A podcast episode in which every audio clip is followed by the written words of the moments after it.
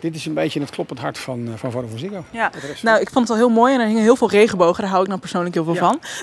dus ik voel me helemaal thuis. Hoofdsponsor van uh, Utrecht Pride. Dus daar zijn we heel trots op. Ja, en het is, het is, het is, heel veel mensen zullen misschien zeggen, ja, dat is een, hele, een soort van corporate statement. Ja, ja, het is misschien een corporate statement, maar het, het is wel voor ons symbolisch voor het feit dat we echt gewoon voor diversiteit, gelijkheid en inclusiviteit staan. En ja, want anders, anders had je ook niet zeg maar, het interieur hier regenboog hoeven maken als het alleen maar een statement naar buitenaf was nee, geweest. Nee, dat is, het is echt iets wat, waar, we echt voor, waar we echt in geloven, waar we echt voor staan. En dat, is, en dat is meer dan alleen het sponsoren van de Pride. Dat is ook daadwerkelijk inclusiviteit, daadwerkelijk diversiteit hoog op de agenda hebben staan. En daar werken we hard aan en uh, ja, we, we, doen ons best. En dat is nog een lange weg als ik eerlijk ben. Ja, ik weet er alles van. Ja, zeker weten. Nou, laten we even een plekje zoeken voor een paar vragen. Heel goed. Welkom bij Wereldverbeterbaas, de podcast van Social Enterprise NL, ABN AMRO en PwC. In deze podcast gaan CEO's van grote bedrijven in gesprek met toonaangevende sociaal ondernemers over leiderschap, elkaars drijfveren en wat er voor nodig is om de wereld mooier te maken. Wat kunnen CEO en ondernemer van elkaar leren? Wat voor leiderschap is nodig voor een betere wereld? Zijn corporates en social startups tegenpolen of juist partners in crime? En waarom worden die boardrooms toch gedomineerd door witte mannen? Mijn naam is Noah Struik, host van de podcast Wereldverbeterbaas. Ik ben zelf een zelfstandig sociaal ondernemer, activist, podcastmaker, schrijver en spreker. En hou met mijn eigen werk vooral bezig met genderdiversiteit en gendergelijkheid. Vandaag ga ik in gesprek met Jeroen Hoenkamp, CEO van Vodafone Ziggo. En Jem Doe, oprichter van de social enterprise Code Gorilla. Oké, nou daar zijn we dan uh, in het uh, prachtige kantoor van Vodafone Ziggo. Uh, ik zat, je had net al eventjes verteld over de cultuur hier en de, waarom het hier er zo prachtig uitziet. Dankjewel dat ik op bezoek mag komen en welkom in de podcast. Um, Jeroen, jij bent nu CEO van een groot bedrijf, kan ik wel zeggen. Dat zien we hier ook en dat weten we. Maar weet je nog wat je wilde worden toen jij vroeger klein was? Ja, dat weet ik nog heel goed. En dat is heel anders dan waar ik uiteindelijk terecht ben gekomen. Want mijn vader was arts. Hij was huisarts en had een praktijk thuis aan huis. En uh, ja, het was eigenlijk als vanzelfsprekend. Dat klinkt misschien heel ouderwets, maar mijn vader nam het eigenlijk aan als vanzelfsprekend dat ik hem ging opvolgen. En ik dacht dat eigenlijk ook. Tot ik op de middelbare school kwam en erachter kwam dat ik niet zo bijster goed was in beta-vakken en daar ook mijn passie niet lag. Ja, en uiteindelijk ben ik daarna bedrijfskunde gaan studeren en ja, de rest is uh, history. Ja, precies. Dus je bent geen arts geworden, maar uh, lijkt er ook niet echt helemaal op dit, hè? Nee, nee het, het, lijkt er ook totaal niet op. En ik heb af en toe wel zoiets dat ik denk van ja, stel nou eens dat ik dat toch gedaan had. Maar ja, ik geloof er wel in dat je je, je, je passie moet volgen en ik geloof er ook in dat je opportunistisch moet zijn. Dus ja, wat er op mijn pad komt, dat beoordeel ik, dat bekijk ik. En ja, bij mij was het bedrijfskunde en daarna werd het dus inderdaad ook het bedrijfsleven. Dus je passie ligt hier? Ja, absoluut. Ik vind, uh, ik vind het oprecht een voorrecht om, uh, zeker om een bedrijf als dit te mogen leiden. Uh, ik heb jarenlang onderdeel van het bedrijf gemaakt vanuit verschillende rollen. Marketing, sales, operatie. Ja, en sinds 2012 heb ik dan rollen in Nederland, Ierland, Engeland en nu weer in Nederland als CEO mogen hebben. En ja, ik denk dat ik de leukste baan van, van heel Nederland heb. Klinkt veelbelovend. Uh, maar vandaag gaan we in gesprek met uh, Diem. Zij is CEO van een bedrijf wat nog niet zo groot is als Vodafone Ziggo. Uh, namelijk Code Gorilla. Daarmee wil ze mensen met een kwetsbare positie op de arbeidsmarkt helpen aan een baan in de IT. Hoe belangrijk is dat volgens jou? Ja, ik denk ongelooflijk belangrijk. Ik vind het, ten eerste vind ik het heel mooi als mensen echt ondernemen. Hè. Ik bedoel, ik heb een mooie grote baan. Er zijn mensen vaak van onder de indruk, CEO van een groot bedrijf. Maar ik heb veel meer respect eigenlijk voor mensen die voor zichzelf beginnen. Ook hun passie achterna gaan, maar die verantwoordelijkheid helemaal zelf dragen. Ja, en als je dan ook nog iets doet wat sociaal, maatschappelijk echt relevant is. En, en een gat in de markt ziet en, en daar dan induikt en zegt... joh, ik heb dit meegemaakt en ik wil dit op schaal voor anderen ook oplossen. Ja, daar heb ik ongelooflijk veel respect Heel, en, en heel relevant. Nee, 100% En we gaan zo meteen met haar in gesprek. Even een, een, een voorafje. Wat hoop je van haar te kunnen leren? Nou, ik, ik hoop wel van haar te kunnen leren uh, hoe je dingen heel concreet maakt in het domein waar zij opereert. En dan natuurlijk met name, joh, en wat, wat kan, hoe vertalen we dat dan naar wat grotere bedrijven zoals wij? Want wij zijn dus minder goed in staat om te doen wat zij doet. Maar misschien dat ze wel goede tips en tricks heeft voor grotere bedrijven. Om dat toch ja, in het DNA van het bedrijf te brengen en bepaalde dingen concreet te maken. En misschien zelfs wel juist uh, de samenwerking te zoeken en te zeggen hoe kunnen we wat zij doet nou groot maken. Want ik denk dat we dan natuurlijk met z'n allen het effect gaan bereiken. Nou, dat klinkt ook weer heel veel, uh, veelbelovend. Uh, we gaan gewoon lekker in, in gesprek. en dan kunnen we kijken of we dat kunnen verwezenlijken. laten we gewoon snel teruggaan. Helemaal goed. Jam, fijn dat jij ook bent aangeschoven. Ik heb net al even kort met Jeroen kunnen kletsen. Maar we zijn hier ook met jou. En ik zou graag willen weten of je mij kan uitleggen wat Code Gorilla doet en waarom het nodig is. Ja, ik probeer het zo goed mogelijk uit te leggen.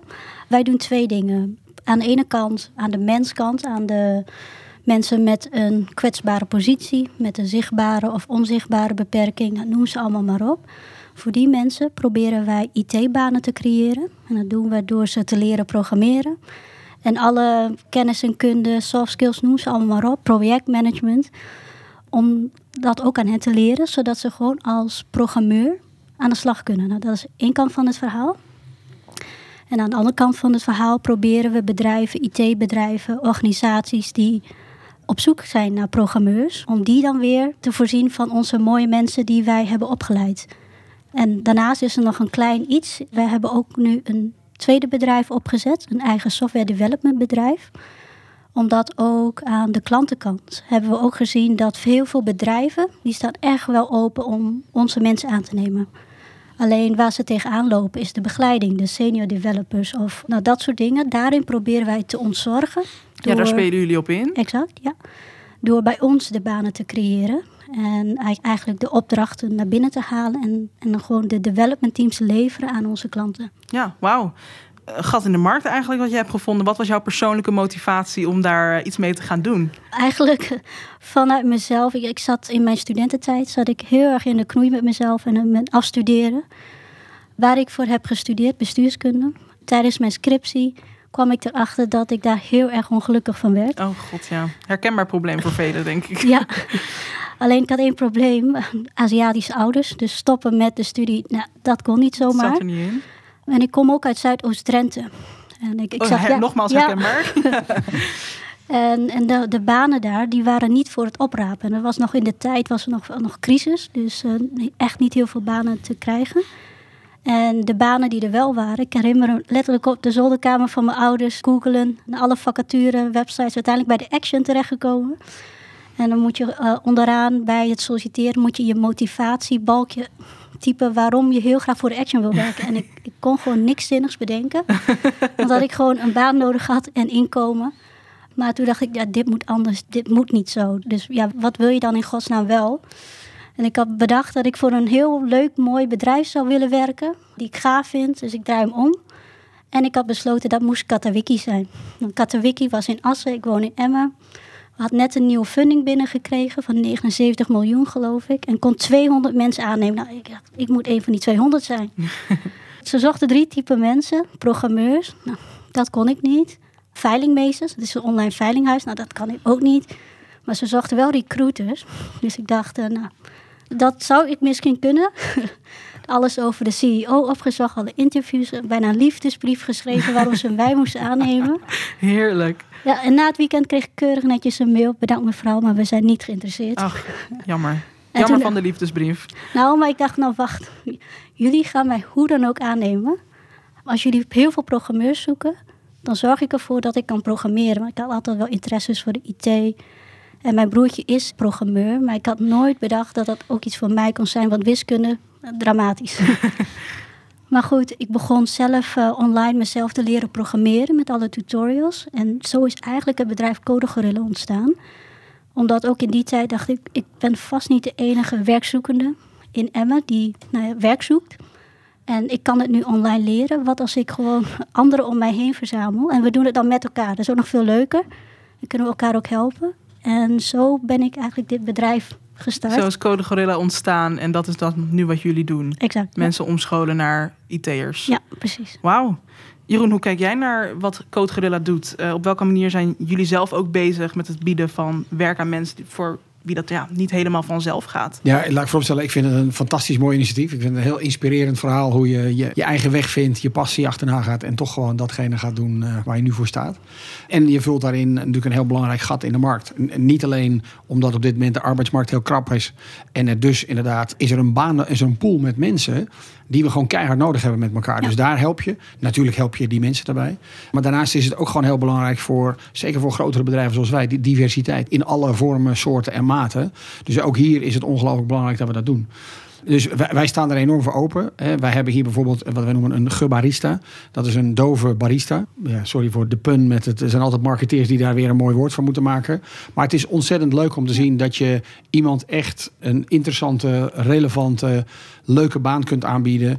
En het blijkt, gek genoeg, dat wij dit allemaal ook heel leuk vinden. Want we hebben dan dus een barista en daar staat een display. En op dat display kun je, als je een cappuccino wil, kun je op die knop drukken. En dan krijg je een kort filmpje te zien hoe je in gebarentaal netjes een cappuccino kunt bestellen. Tof. Dus wij leren er allemaal wat van. Wij hebben allemaal interactie op die manier. Het neemt barrières weg, want we hebben andere dove mensen hier ook werken.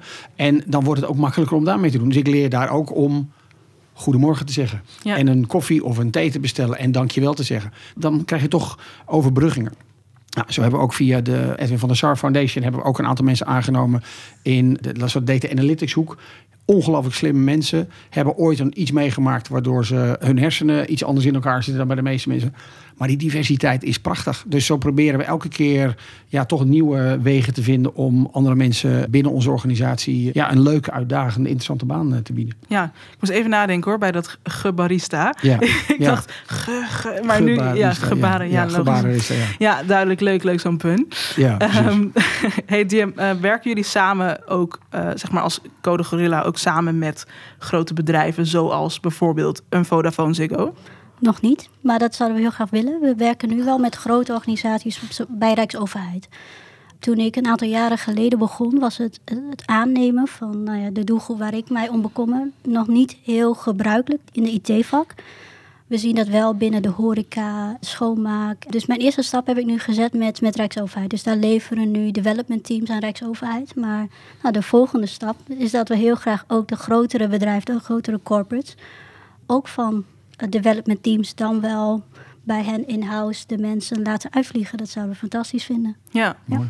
En hoe kunnen we dit verwezenlijken? Want ik was net ook al eventjes met Jeroen, hebben we het er even over gehad.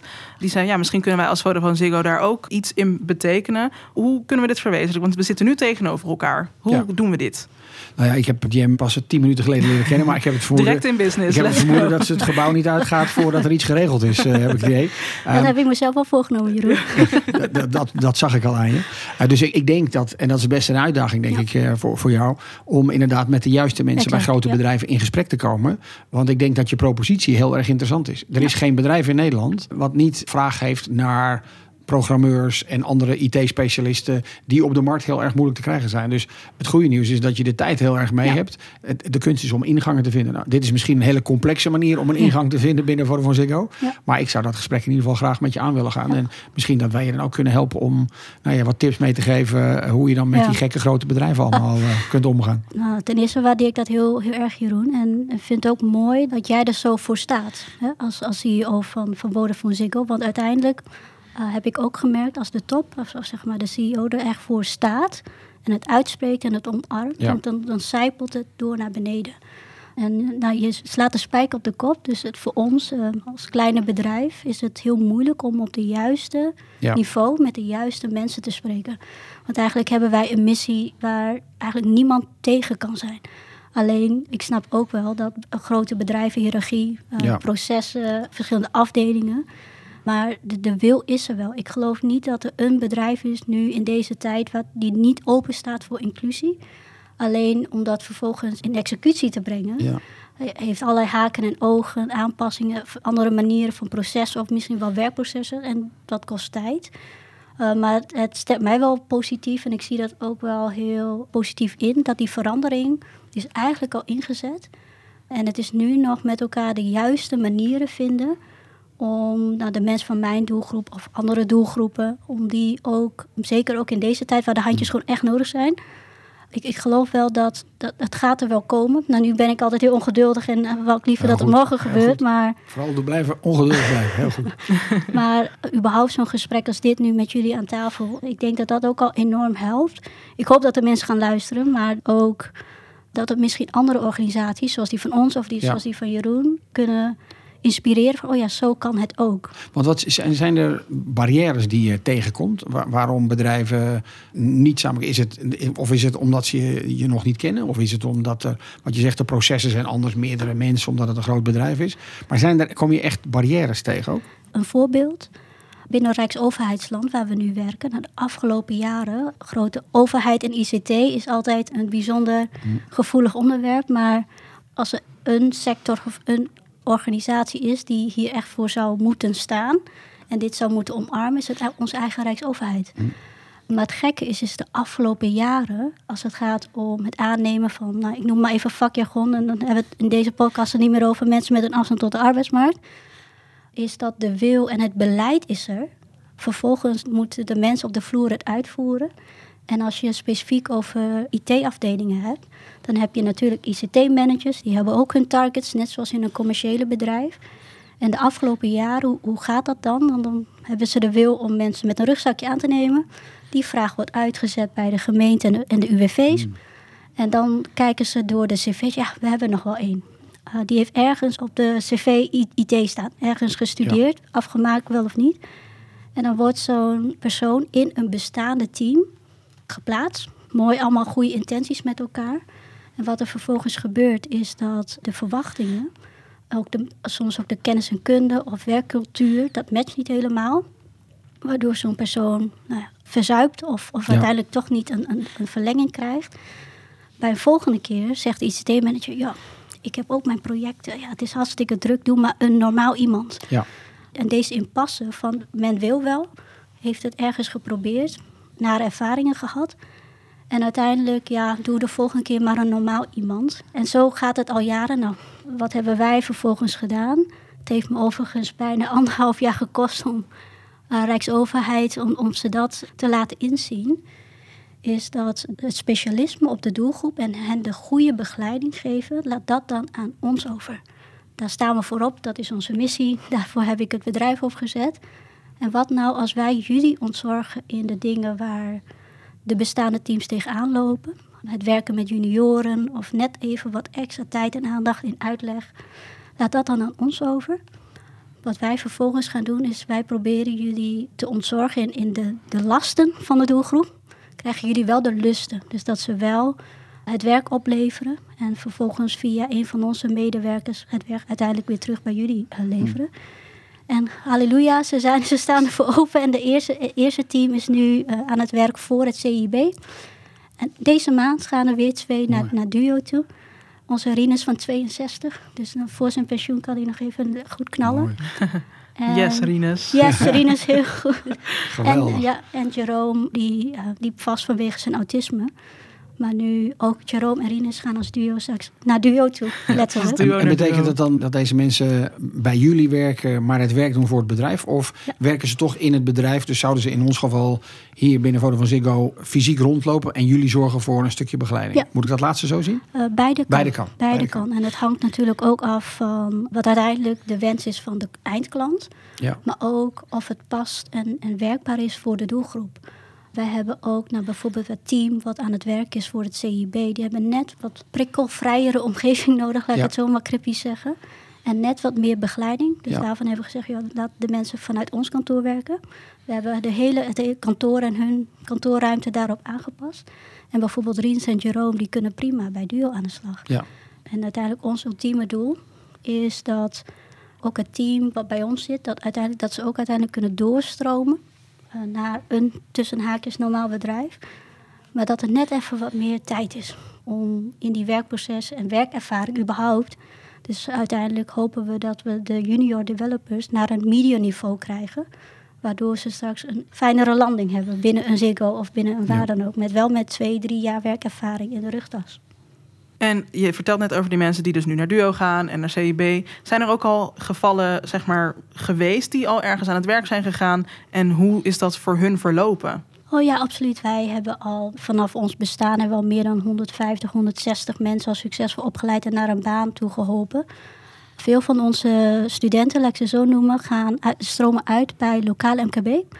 En nou, sinds vorig jaar zijn we dus ook gestapt met dit soort development teams voor de wat grotere organisaties. En dat we ook de mensen kunnen helpen die net anders dan de andere mensen die regulier kunnen uitstromen, ook, ook hen, juist voor hen ook een plek bieden.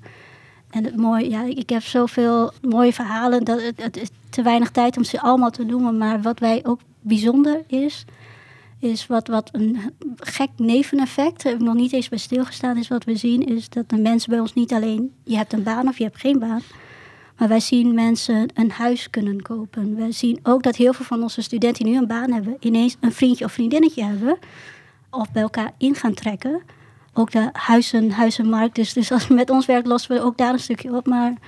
ah, Kijk, als je in de dating, zeg maar, als je gaat daten en je hebt geen baan, dat is net even anders dan dat. Ja, ik, ben, ik werk gewoon als programmeur. Dus we zien ook dat mensen stappen maken in hun leven. Niet alleen. Ja. En een sociale leven en Exact, het leven ja. om, om, het, om het werkveld heen ja, eigenlijk. ja. Ja. En, en dat is ook prachtig om te zien. Wat mooi om dat ook te horen. En dat dat, ja, want zijn, het begint altijd bij een plan. en dan moet het nog uitwerken en dan moet het ook nog gaan zoals je wil. Maar het klinkt alsof je tevreden bent Nou, met, de- met wat er tot nu toe is gegaan. Ik bedoel, waarschijnlijk ben je nooit tevreden. En zo klinkt het ook wel als je zegt, ik wil daar werken en dat gaat gebeuren. Ja, nee, ja, natuurlijk. We zijn, eh, ik heb ook geleerd, ja, successen moet je ook, ook vieren af en toe met je team. Maar het, eh, ik zei net tegen Jeroen, het ongeduld in mij. En hoe meer me ik in dit, zeg maar, in dit vakgebied begeef, hoe meer ik zie dat er ook nog zoveel kansen zijn. Heb ik, er dan, nou, ik heb vandaag een eh, expres een t-shirt aangetrokken. Omdat, nou, je, je hebt, ik, heb, ik, zei ik had het net over één doelgroep. Maar ik zie ook die, die kijk, inclusie vind ik is iets wat je morgen kan doen. Je kan morgen naar je collega toelopen die alleen zit, maar diversiteit. Eh, dat is veel breder dan alleen mensen met een afstand tot de arbeidsmarkt. Dat eh, zijn bijvoorbeeld ook vrouwen, vrouwelijke Ja, programmeurs. ik wou net zeggen, even voor de luisteraars die Ja. jou niet kunnen zien. Je hebt een prachtig shirt aan met The Future is Female, geloof ik, staat erop. Ja. Dus dat is waar je het over hebt. Oh ja, ja, sorry. Ja, Dit ja, is een wij kunnen het heel podcast. mooi zien natuurlijk. Maar Ehm, nou, kijk, ik denk dat we, we nog veel meer aan elkaar kunnen hebben. Met we heb ik het over organisaties zoals die van Jeroen en organisaties zoals die van ons. Is, kijk, uiteindelijk, de dames heb ik het specifiek over de vrouwen. Wij zijn ook de helft van de eindgebruikers van de. Ik heb ook Ziggo Go, dus dat gebruik ik thuis ook. Wij zijn de helft van de eindgebruikers. Terwijl als je het hebt over echt programmeurs, echt in Ja. ontwikkelingsteams. Ik geloof dat dat in Nederland tussen de, nou, verschillende onderzoeken laten andere cijfers zien, tussen de 13, 15, 18 procent. Eh, dus er is nog, als je het hebt over nou, digitale inclusie, is niet alleen dat mensen toegang hebben tot het internet of tot de digitale wereld, maar dat je ook de kansen kunt grijpen om ook daarin werkzaam te zijn. Want het zijn toch, nou ja, enigszins de banen van de toekomst. En nou ja, voor deze podcast heb ik natuurlijk eh, over eh, Ziggo en ook over Jeroen een aantal dingen opgezocht. En wat ik heel mooi vind, dat ik geloof dat bij, bij Vodafone noemen jullie People, Planet, Progress. Ja? Correct. En dat is ook nog een hele mooie slagzin die ik nu ben vergeten. Maar, misschien eh, weet Jeroen hem nog. Nou, kijk, het belangrijkste is dat wij met People Planet Progress, dat is dan onze manier om de andere aspecten echt onder, het, onder, het, ja, onder de aandacht te brengen. Want, want bij grote bedrijven met aandeelhouders gaat het natuurlijk al snel om het creëren van aandeelhouderswaarde en het, het omzet en marge. En dat is allemaal heel erg relevant, laat ik dat voorop stellen. Maar dat is niet waar onze 7.000, 8.000 collega's elke ochtend voor uit hun bed springen. Die springen wel uit hun bed om te weten dat wat wij doen als bedrijf er echt toe doet. Dus we hebben, wij zijn echt een, wat we noemen een purpose gedreven bedrijf. Met hele duidelijke waarden. En daar past gelijkheid, diversiteit en inclusie. Ja, dat sluit daar naadloos bij aan. Dus wij, het is ook heel belangrijk dat wij dat doen omdat wij gewoon daadwerkelijk geloven dat dit relevant is voor, voor de maatschappij. Dat het ook onze verantwoordelijkheid is als groot bedrijf om daar een, een voortrekkersrol in te spelen. En daarnaast zeg ik er ook heel eerlijk bij, is het ook gewoon goede bedrijfsvoering. Hè? Want we Ja. hebben vandaag de dag mensen heel hard nodig. En alle onderzoeken wijzen uit dat diversiteit en inclusiviteit leidt tot een beter presterend bedrijf. Dus er is ook geen enkele reden om zou maar zeggen, dat beleid niet eh, te voeren. En we proberen dat dan. Ik vind altijd diversiteit, inclusiviteit, gelijkheid vind ik altijd moeilijk om uit te spreken. Klinkt niet echt lekker. En vandaar dat wij vanuit People, Planet, Progress proberen allerlei verschillende aspecten, inclusief ook, laten we zeggen, milieu en dergelijke, allemaal mee te nemen. En daar hebben we echt een plan voor. En da- daar, daar staan we echt voor als bedrijf. Ja, om daar eventjes nog op in te breken. Wat je net ook zei, de future is female, al dat soort dingen gaan we zeker ook nog eventjes eh, bespreken in de podcast. Dat komt op het einde bij het rubriekje. Zeker. Mijn lievelingsrubriekje. Dus dat gaan we zeker nog bespreken. Maar goed, als we het toch over de maatschappelijke rol hebben en diversiteit en inclusie. Jeroen, wat is de grootste uitdaging voor Vodafone Ziggo eh, als het gaat om jullie maatschappelijke rol? Ja, als het gaat om de maatschappelijke rol, denk ik dat zeker op dit moment, nou, ik noem het al digitale inclusie. En dat is een containerbegrip, hè, want dat gaat om heel veel dingen. Wat de dingen die jij noemde, DM, absoluut waar. Uh, maar vergeet ook niet dat voor een bedrijf als, als Vodafone Ziggo, maar ik denk eigenlijk voor de hele maatschappij, dat beseffen we onvoldoende, maar in de komende pak een beetje vijf jaar zullen denk ik 50 of meer procent van alle banen in dit bedrijf of fundamenteel veranderen, of misschien zelfs wel verdwijnen. En als je dan 10 jaar of 20 jaar verder gaat kijken, ik durf er geen getal op te plakken, maar ik weet zeker dat voor heel Nederland en misschien wel heel Europa gaat gelden dat inderdaad 50 of meer procent, misschien wel twee derde van alle banen inderdaad fundamenteel gaan verdwijnen. Veranderen of verdwijnen. En daar moeten we wat mee. Dus die digitale inclusie is meer dan alleen maar, ik noem wat, mensen die wat ouder zijn, meenemen en leren om met internet om te gaan. Maar het betekent ook wat wij bijvoorbeeld voor, juist voor jonge mensen doen, waarvan we allemaal denken, ja, maar die weten allemaal feilloos hoe het werkt. Ik vraag ook aan mijn kinderen hoe bepaalde dingen werken. Maar als je vervolgens ziet dat we dan een, een we hebben een hele mooie module uh, op, op lagere scholen, de laatste twee klassen op de lagere school. En daar, daar hebben we dan een, een, een digitale cursus voor, voor, de, voor de scholieren. De docenten zijn er heel blij mee, want die vinden het zelf ook een hele moeilijke materie. Maar blijkt dat de leerlingen ook worstelen met digitale inclusie. Die worstelen ook met verslaving. Dat zeggen, ik zit veel meer op mijn telefoon en achter mijn Xbox dan ik zelf zou willen. Maar ik weet niet hoe ik buiten moet spelen. Uh, die worstelen ook met cybersecurity. Dus er zijn heel veel thema's die zowel jongeren als ouderen ja, toch ook moeten, moeten leren. En daar moeten ze in meenemen. Maar voor mij is het vooral om de discussie aan te gaan, bedrijven en instanties bij elkaar te brengen. En te zeggen, jongens, begrijpen we hoe de wereld er over vijf of tien of twintig jaar uitziet en wat is daarvoor nodig. En dan is de golden nugget daarbinnen is onderwijs. Ik kom nog van een generatie, ik heb ooit een keer een opleiding gedaan. En daarna doe je nog wel eens een cursus hier en daar. Maar je doet een keer een opleiding. De generatie die nu in de schoolbanken zit, zal zijn of haar hele leven moeten blijven leren. Omdat de ontwikkelingen zo snel gaan dat je gewoon continu moet blijven veranderen. En daar is het huidige onderwijssysteem niet op ingericht. Daar zijn bedrijven niet op ingericht. Dus daar hebben we met z'n allen een monsterlijk grote taak. Dus ik denk dat dat een hele grote maatschappelijke uitdaging is waar wij hopen een belangrijke rol in te kunnen spelen en zullen spelen. En daarnaast, ja, hoeven we niet in detail te gaan, maar ik denk ook dat voor iedereen geldt, cybersecurity ja, is gewoon een probleem. Het is niet een uitdaging, het is gewoon een probleem. En daar moeten we met z'n allen ook mee aan de slag. En ja, wij zijn natuurlijk een groot bedrijf met een grote infrastructuur, met een hele grote klantenbase. Dus per definitie hebben wij veel te maken met cybersecurity en is het onze verantwoordelijkheid om onze klanten safe uh, te houden. Dus dat zijn zomaar eventjes twee hele grote maatschappelijke thema's die, uh, die mij wel redelijk bezighouden. Ja, als jij dit zo hoort, Jam, plus de research die je een beetje hebt gedaan over Vodafone Ziggo en, en Jeroen eigenlijk zelf.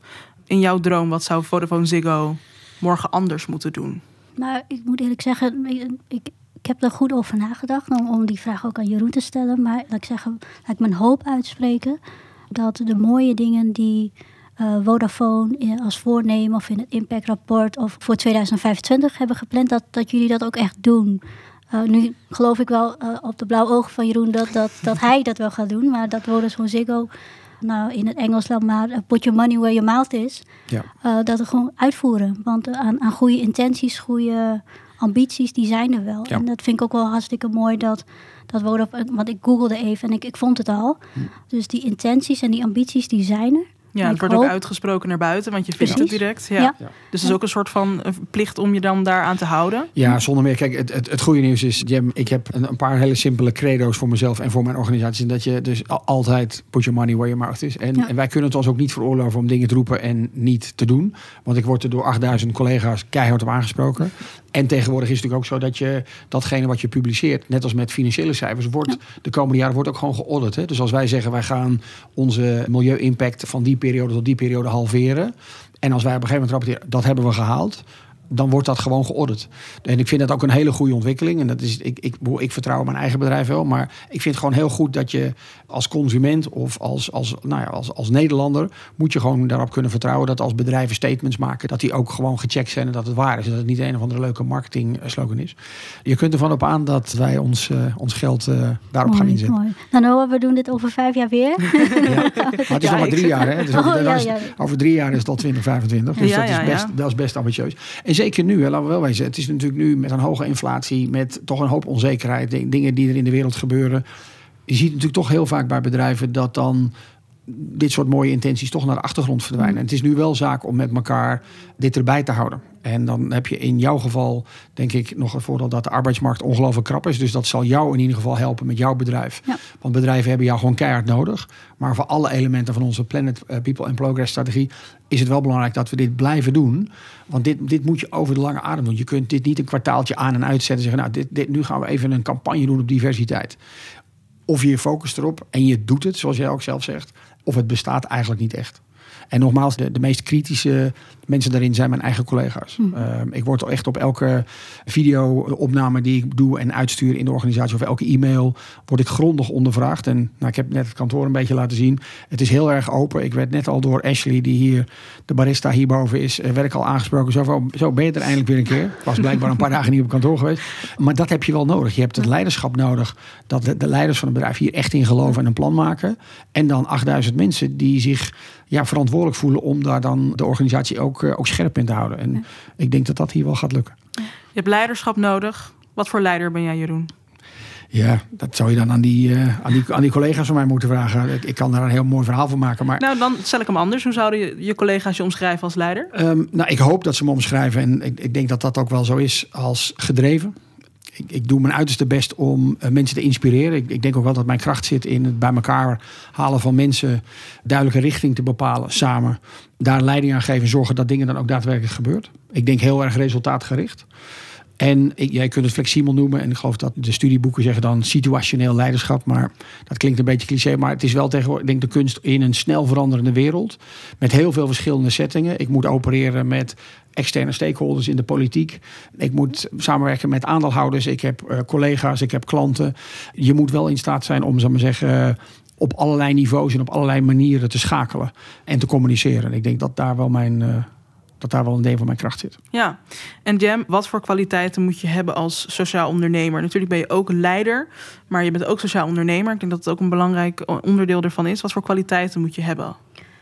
Nou, het hangt af van de verschillende fases binnen je bedrijf. Toen ik net begon, net zoals heel veel startende ondernemers, dan, dan doe je eigenlijk alles zelf. Je bent een one-man show. Vervolgens uh, groeit je bedrijf, krijg je personeel. Heb je ineens te maken met HR-cyclussen, met contracten en arbeidscontracten, met functioneringsgesprekken. Dus ik denk dat het voor niet, niet kijk, als sociaal ondernemer, dat, in die zin zijn wij net normale ondernemers. Ik vind ook overigens dat sociaal ondernemers soms heel, goed, heel erg terecht daar echt de credits voor krijgen. Wel wat tof dat je sociaal ondernemer bent, maar eigenlijk is het zo dat de, kijk, uh, een, een, bedrijf zoals Vodafone Ziggo heeft uiteindelijk, uh, ik geloof, 8000 mensen in dienst. Heeft 8000 banen gecreëerd. Dus in die zin, kijk, wij doen het op een kleinere schaal. Maar ik denk dat wat, wat sociale ondernemers misschien toch wel een tikkeltje anders en misschien wel ergens bijzonder maakt, is dat voor mij uh, elk nieuwe baan die ik kan creëren, daar word ik heel erg blij van. Maar dat, dat maakt ook dat we af en toe keuzes maken, financiële keuzes. Wat je als winstgedreven, echt winstgedreven bedrijf, zou je dat niet doen.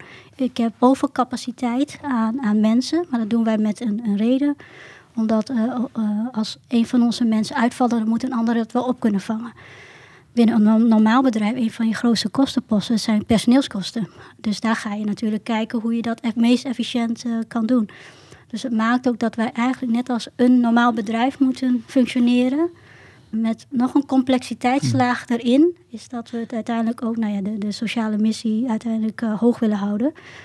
Maar om terug te komen op je vraag, ik denk dat heel snel en heel hard kunnen leren van je fouten. Ook heel snel kunnen schakelen en je daarin ontwikkelen. Ik denk dat dat wel dingen zijn wat, wat echt belangrijk is, wat je moet kunnen als überhaupt als ondernemer. Ja. Want uiteindelijk, we hebben het net over leiderschap. Ik besef me ook, nou, we hebben nu, we zijn nog maar een klein bedrijf, maar ik heb, ben toch wel werkgever van 22 mensen. En dus, dus voor mij ook, net zoals met Jeroen, soms dan, dan kom ik gefrustreerd uit een afspraak terug met een gemeente. Maar dan moet ik ook wel een knopje om. Want uiteindelijk moet ik ook weer terug naar het bedrijf en de mensen toch weer inspireren, motiveren van we gaan er weer voor. Dus af en toe voel ik me ook een acteur die telkens verschillende rollen in de afspraken op een dag moet toch weer telkens een andere pet op. En, en dan moet je wel kunnen, tegen kunnen ook. En het, het gaat niet over rozen, zeker niet altijd. Dus ook de momenten dat het echt heel erg, ik zeg maar even, kut is. Tegenslagen die je tegenkomt. Ja, volgende dag moet je toch weer jezelf uh, weer oppeppen en, en weer door. Maar ik denk dat dat op, op, op mijn manier maak ik dat mee. Maar ik ben ook heel benieuwd naar misschien bij Jeroen grote bedrijven, grote problemen. Weet ik niet. Uh, wat, wat is voor jou het meest moeilijke momenten geweest in, in jouw carrière?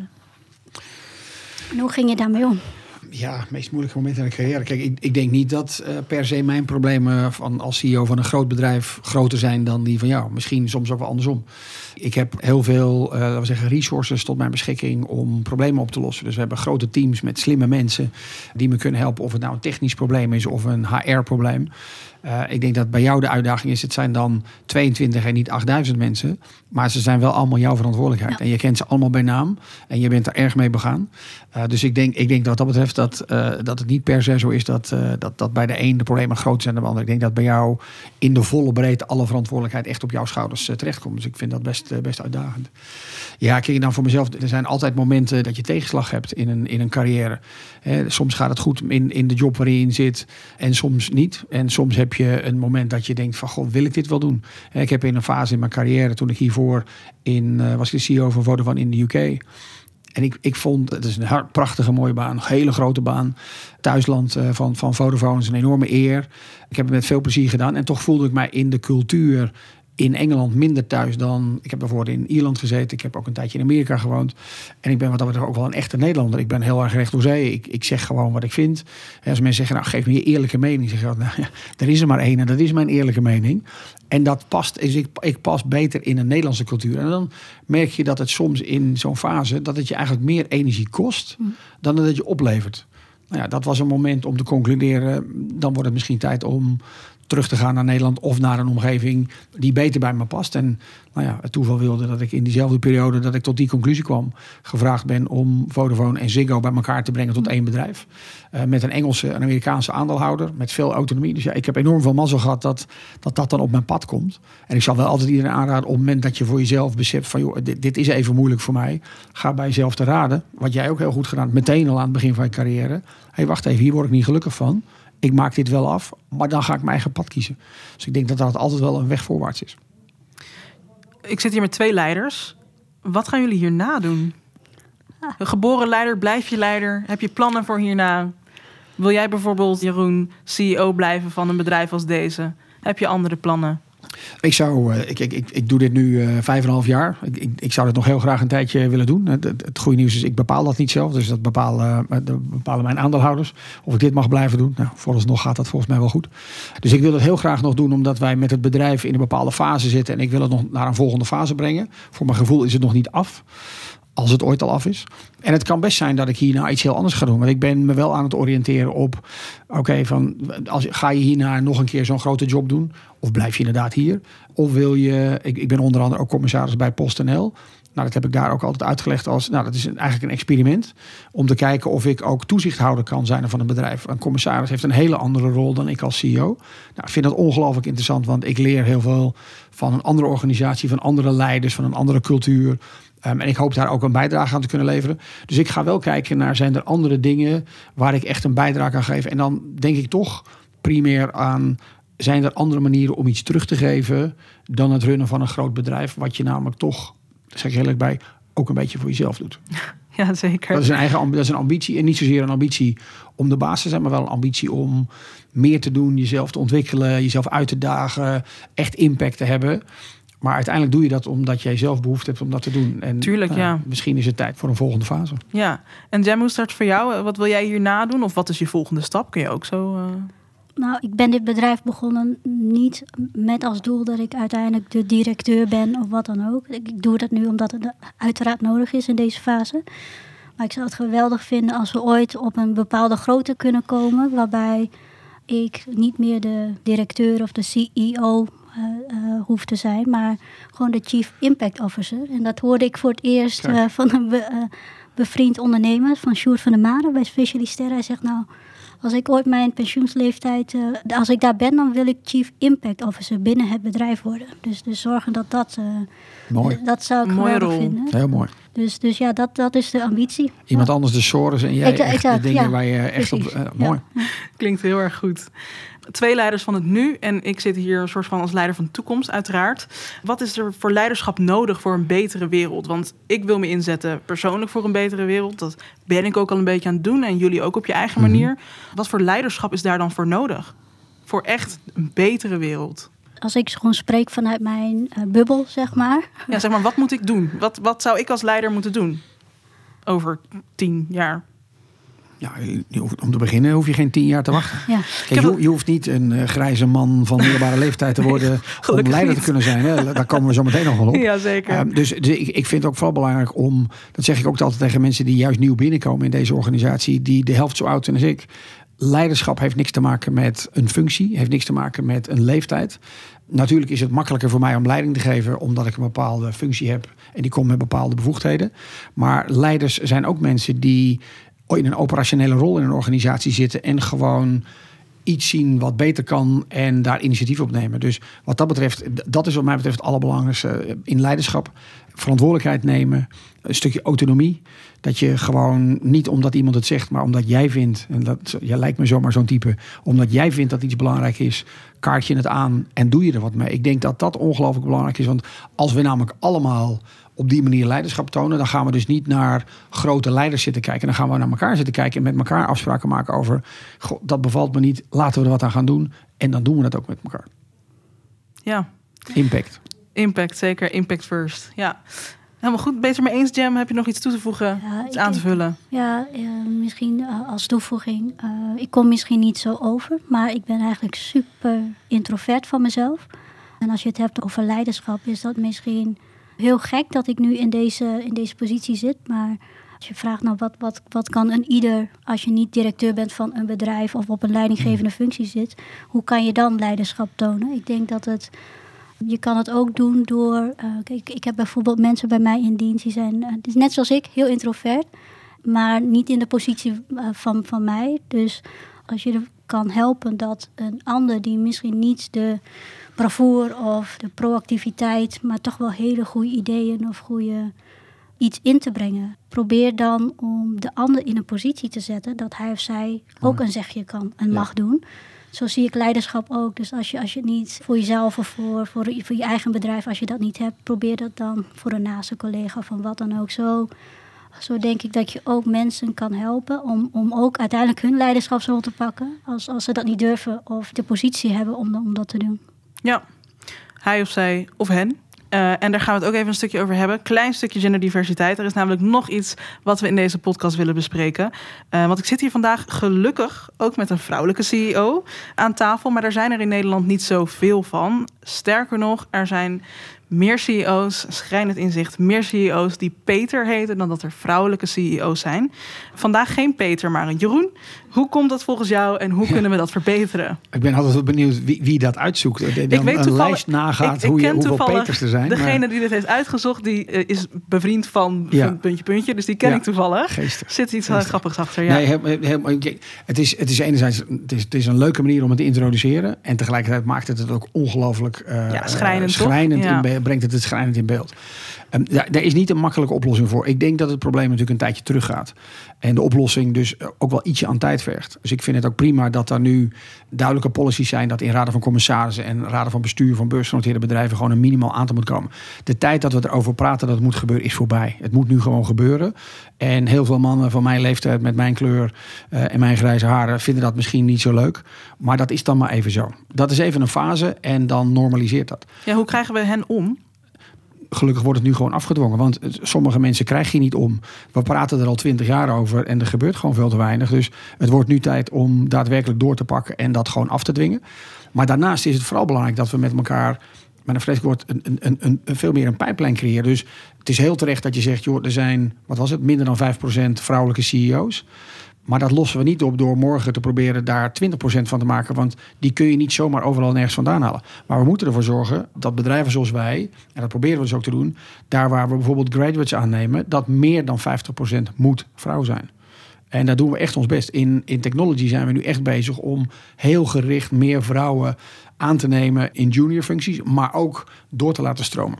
Want door de tijd heen moet er gewoon een, een funnel zijn dat er zoveel mannen en vrouwen zijn die gelijkwaardig in, in aanmerking komen voor rollen, dat er veel meer vrouwelijke kandidaten zijn. Er zijn nu ook, heel reëel zijn, te weinig vrouwelijke kandidaten. Dat is geen verwijt.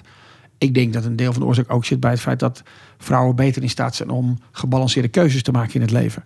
Dus misschien wordt het ook wel nooit 50%, omdat vrouwen misschien in een bepaalde fase zeggen: Ik wil helemaal geen CEO worden, ik wil CIO worden. Ik wil namelijk impact hebben. Hoe mooi is het dat mensen die, die afweging kunnen maken, in plaats van, wat laten we wel heel veel mannen eerder hebben: Ik wil toch wel graag boven, bovenaan op die rots, op die toren zitten. Daar zit het ook wel een beetje. Maar het, wat mij betreft is het vooral zorgen dat we, dat we door de organisaties heen meer vrouwen aannemen. En dan ook geef vrouwen meer gelegenheid. Je hoeft ze niet voor te trekken. Dat willen vrouwen ook helemaal niet. Maar je moet wel zorgen dat je ze misschien wat meer uitdaagt, wat meer kietelt, wat meer erbij betrekt. Nodig ze uit voor een sollicitatie. Want mannen steken veel eerder hun hand op dan vrouwen. Dat is nou een keer zo. Ik was vorige week, twee weken geleden nog, deed ik een gastcollege ik zal niet zeggen waar, maar met 50% eh, mannelijke studenten en 50% vrouwelijke. En ik heb de vrouwen gevraagd, en vrouwen eerlijk zeggen heb ik gezegd, als er een functie is in mijn bedrijf en er zijn 10 criteria, hoeveel boxes wil jij tikken of moet jij tikken voor je solliciteert? Collectief zeiden ze 9 à 10. En dan zei ik, heren, eerlijk zijn heren, hoeveel boxen moet je tikken? 5 à 6. En dan gingen ze al solliciteren. That's the difference. Daar moeten we vrouwen bij helpen. Vrouwen kunnen zichzelf daarmee helpen. Maar wij als bedrijf moeten vrouwen helpen door ze eerder uit te dagen, erbij te betrekken. Wat meer steun te geven, coaching, mentoring. En dan kunnen we veel meer mensen, denk ik, klaarstomen voor dat soort rollen de komende jaar. Hoe staat het? Heb je, heb je cijfers, heb je percentages, hoe dat binnen Vodafone Ziggo gaat? Bijvoorbeeld, ik kan me voorstellen dat je dat niet per se hebt over de 8000 medewerkers, misschien wel. Maar hoe zit dat dan bijvoorbeeld in het bestuur? Nou, we hebben in, in, door het bedrijf heen, kijk, ik kan heel makkelijk statistieken laten zien die geweldig klinken. Maar dan reken ik namelijk ook 3000 mensen mee die in een contactcenter werken, een callcenter. Guess wat? Daar zitten meer vrouwen dan mannen. In winkels hebben we ook heel veel uh, vrouwen. Je moet het juist over de hele populatie bekijken. En dan doen we het met zo'n 30% eh, vrouwen doen we het niet slecht, maar kan beter. Ik ben er wel trots op dat in mijn team vier van de tien uh, mensen die aan mij rapporteren zijn vrouw. Dat was niet zo, maar daar hebben we ook echt bewust keuze in gemaakt. Echt gezocht naar. En dat is niet een kwestie van plek maken of voorrang geven. Dan moet je gewoon wat beter je best doen. En in mijn technology team, daar zaten geen vrouwen in. En daar zitten sinds kort drie vrouwen in van de negen. Nou, weet je, dan maak je toch de stappen. Dus we hebben nu wel concreet met elkaar afgesproken. We moeten daar gewoon een resultaatverplichting aan plakken. En zorgen dat het gebeurt. Want we moeten ophouden met praten over het feit dat het belangrijk is. Dat weten we. Diversiteit, inclusiviteit is belangrijk. Uh, maatschappelijk belangrijk. Het bedrijf gaat er breedte van performen. Maar nu moet het wel gewoon gaan doen met elkaar. Nou, dus wij, ik ben, ben wel trots op de stappen die we hebben gezet. Maar ik zal de eerste zijn die zegt: het kan nog steeds veel en veel beter. Jam, hoe is dat bij jou in jouw bedrijf? Helaas is het zo binnen mijn bedrijf dat ik voornamelijk nu mannen in dienst. Ik liep tegen dezelfde problemen aan, zoals heel veel IT-bedrijven, uh, om, om vrouwen aan te trekken. Want ik, heb ook, ik spreek ook uh, gewoon intern, als we een nieuwe vacature open hebben, dan heb ik het over een vrouw die we graag willen aannemen. Maar goed, Kijk, ik denk dat, dat het probleem op, het is, op verschillende niveaus moet het aangepakt worden. En ik wou dat ik het wat meer oneens was met Jeroen. Dan had je een wat meer interessante discussie. maar dat is ook goed. Ik ben blij dat de mensen zoals Jeroen, maar ook binnen de politiek, et cetera, het op een ander niveau en op eh, andere vlakken uh, dit probleem aanpakken. Laat ik me dan uh, bij mezelf focussen op binnen mijn vakgebied. En als ik kijk dan specifiek binnen de, de ICT-sector. En dan als ik het dan nog een stap verder over waarom zijn er zo weinig vrouwelijke ondernemers van techbedrijven, van technologiebedrijven. Uiteindelijk, Jeroen zei het eerder al, komt het neer op onderwijs. Stel dat je in Nederland nu een heel, of iedereen heeft wel eens een keer een heel goed idee voor een app. Goh, daar zou eens een app voor moeten komen. Wat ga je dan vervolgens doen? Dan wil je een app bouwen. Je wilt je idee, wil je dat gaan laten bouwen. Maar ja, als je zelf niet kan programmeren, wat is dan je volgende stap? Kijk in je netwerk. Dan heb ik misschien een vriend, een vriendin, iemand die, als je dat netwerk ook niet hebt, dan moet je op zoek naar investeerders. Als je aan tafel zit bij een investeerder, is er wat hij of zij, nou vaak hij, gaat vragen: heb, heb je al een prototype? Heb je al tractie? Heb je al klanten? Laat maar zien. Uh, nee, want daarvoor zoek ik juist investering. Dus ik kom weer terug in de loop. Waarom zijn er zo weinig vrouwelijke IT-ondernemers? Uiteindelijk komt het neer dat ik gewoon heel plat, heel veel vrouwen kunnen nog niet programmeren. Kunnen nog niet hun ideeën omzetten in, in een technisch product en hebben vaak ook niet het netwerk om dat te kunnen laten doen. En als we ook allemaal heel eerlijk zijn met elkaar. Ik hoor deze discussie heel vaak binnen de, de IT en de start-up sector. Van alle welwillende venture capital investeerders. Ja, wij willen meer investeren in vrouwen. Het is toch verschrikkelijk dat er maar 1 of 2 procent naar vrouwen gaat. Maar als je ze vraagt, uh, als je kijkt naar hun portfolio, waar investeren jullie dan in? Nou, bijna 9 op de 10 zijn SaaS, software as a service, technologiebedrijven waar ze dan investeren. En nu zijn er wel zat gemotiveerde, hele capabele dames die ondernemers zijn, maar die hebben dan een bedrijf wat niet heel aantrekkelijk is voor een investeerder om in te stappen, omdat dat nou net niet lekker schaalt. Want een, tech, een techbedrijf dat schaalt toch wat mooier. Dus uiteindelijk kom ik terug naar nou, wat doen wij met Code Gorilla en sinds kort dus ook met Femture, tweede dochteronderneming.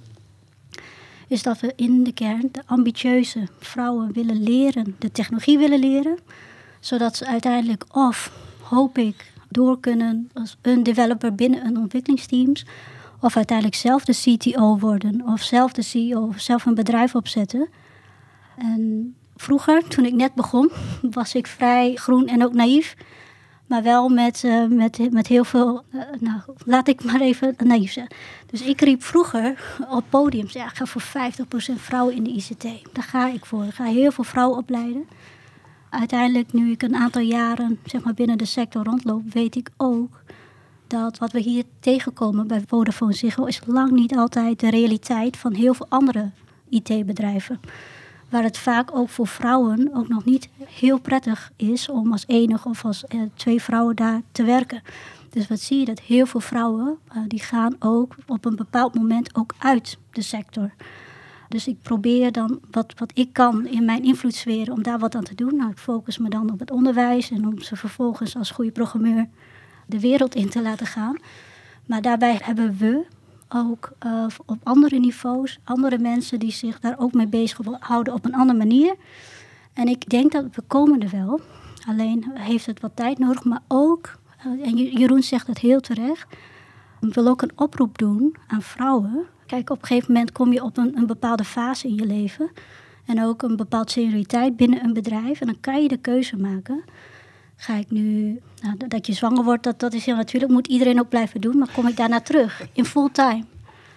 Wil ik gaan voor die toppositie of ga ik, ga ik solliciteren voor echt de, de C-level of hoger management? Dus het is ook aan de vrouwen zelf. Kijk, ik vind, we komen op een, gevaarlijke discussie over feminisme. Ik vind ook, ik zou willen dat, dat, dat vrouwen soms wat, wat, van, wat meer bravoer hadden, hebben, zoals mannen, jonge mannen dat hebben. En nu zijn allemaal redenen waarom dat niet zo is. Maar ik denk dat er ook. Ik, ik kijk met, name ook naar de vrouwen. Om ze uit te dagen om wel zeg maar, die keuzes te maken. Om wel voor uh, hun carrière te gaan. Nu heb je daarvoor ook natuurlijk een, een partner nodig. Die thuis ook de dingen die, uh, doet. Zodat je daarin ondersteund wordt. Dus het is een complex probleem. Maar ik vind het ook, een tijdje heb ik vooral als boze feminist gekeken. Ja, maar wat is er dan allemaal niet goed? Maar ik denk ook dat, dat vrouwen ook een stukje zelfreflectie en ook elkaar kunnen pushen. Van joh, het komt van twee kanten. Je moet ook zelf zeg maar, de ambitie hebben en, en daar ook hard voor willen werken. Ja, en, en, en ik moet eerlijk zeggen, ik spreek dan vanuit uh, mezelf als ondernemer. Dus uh, als jij jezelf het doel of, of de lat heel hoog legt om echt een, een disruptieve of een heel succesvolle bedrijf te hebben, ja, dan rek je het niet in drie dagen. In deeltijd, sorry, maar dan rek je het niet met deeltijdwerk. Ik werk 60, 70 uur per week en dat is wel wat nodig is. Uh, en als je gewoon een ZZP'er wil zijn en om vijf uur op thuis thuis wil zijn, ja, dat kan en dat mag. We leven in een vrij land. Maar nogmaals, het is een complex probleem op verschillende niveaus. Maar ook alsjeblieft vrouwen, wij hebben er zelf ook uh, heel veel invloed op. Juist als je wel, zeg maar, pak, pak de kansen. Dat is wat ik, wat ik wil zeggen. Ja, ja, nee, fair. Ik denk ook dat dit kan inderdaad, hier kun je het uren over hebben. En ook over eigenlijk waar je misschien beter het systeem aan kan pakken. Waar je dus niet 60, 70 uur hoeft te werken om inderdaad je vrouwtje te staan, laat ik dan zo zeggen. Maar goed, daar zijn we nog lang niet. En uh, dat ga ik niet meer meemaken, denk ik. Als laatste afsluitende vraag. Wanneer zijn jullie tevreden met jullie eigen werk als leider? Wanneer hebben jullie het gedaan? Mag ik hem op twee manieren beantwoorden? Van mij mag het. Ik zou heel erg tevreden zijn als mijn collega's, mijn mensen tevreden zijn en blij zijn in hun baan en werkgeluk ervaren. En voor mezelf persoonlijk, ik zou het fantastisch vinden als ik eh, drie maanden op vakantie kan en mijn telefoon uit kan zetten. En dat thuis, of thuis moet ik zeggen, de, op het bedrijf alles gewoon verder gaat. Dat zou, dat zou heel fijn zijn. Ja. Ja, mijn eerste reactie op de vraag wanneer ben je tevreden zou om, om meteen zijn Nooit. zeggen, niet, nooit. Ehm, en dat, is, dat is misschien goed, omdat dat mm, jezelf blijven vernieuwen en de lat hoger blijven leggen. Dat is ook een van mijn credo's hier intern. Dat weten mensen, de lat moet altijd omhoog.